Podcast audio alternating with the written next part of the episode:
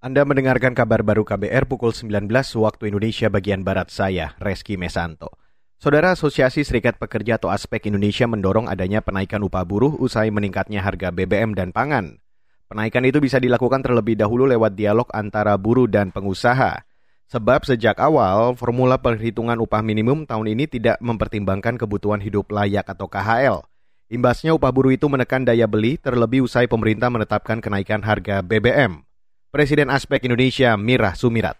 UMP tahun 2022 eh, sebesar 1,09 persen, sedangkan kita mengusulkan waktu itu sekitar 7 persen, kan eh, 7 persen usulan kita itu berdasarkan tadi yang komponen hidup layak KHL. Akhirnya jauh dari harapan, jauh dari perhitungan.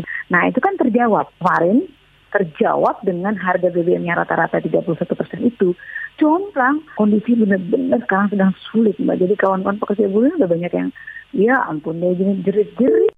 Mira mengaku pesimistis akan ada peluang dialog sosial antara pengusaha dan buruh lantaran sudah tidak diatur dalam Undang-Undang Omnibus Law.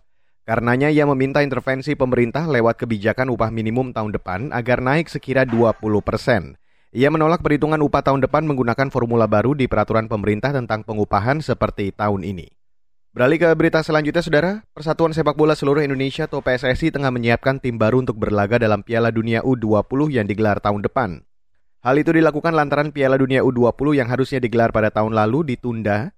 Akibatnya ada sejumlah pemain yang tidak lagi memenuhi syarat usia untuk berlaga di U20 pada 2023. Ketua Umum PSSI Muhammad Iriawan.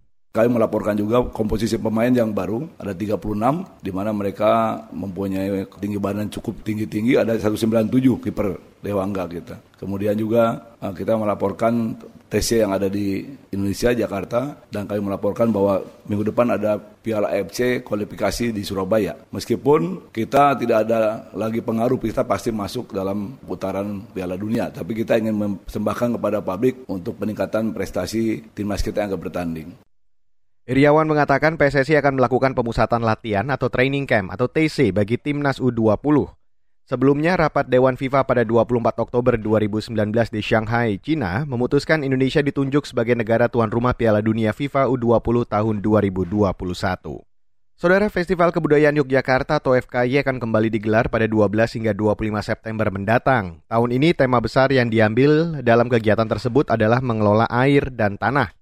Kepala Dinas Kebudayaan atau Kunda Kebudayaan DIY Dian Laksmi Pratiwi mengatakan, tema besar tersebut sengaja diambil karena air dan tanah merupakan dua unsur penting dalam kehidupan makhluk hidup.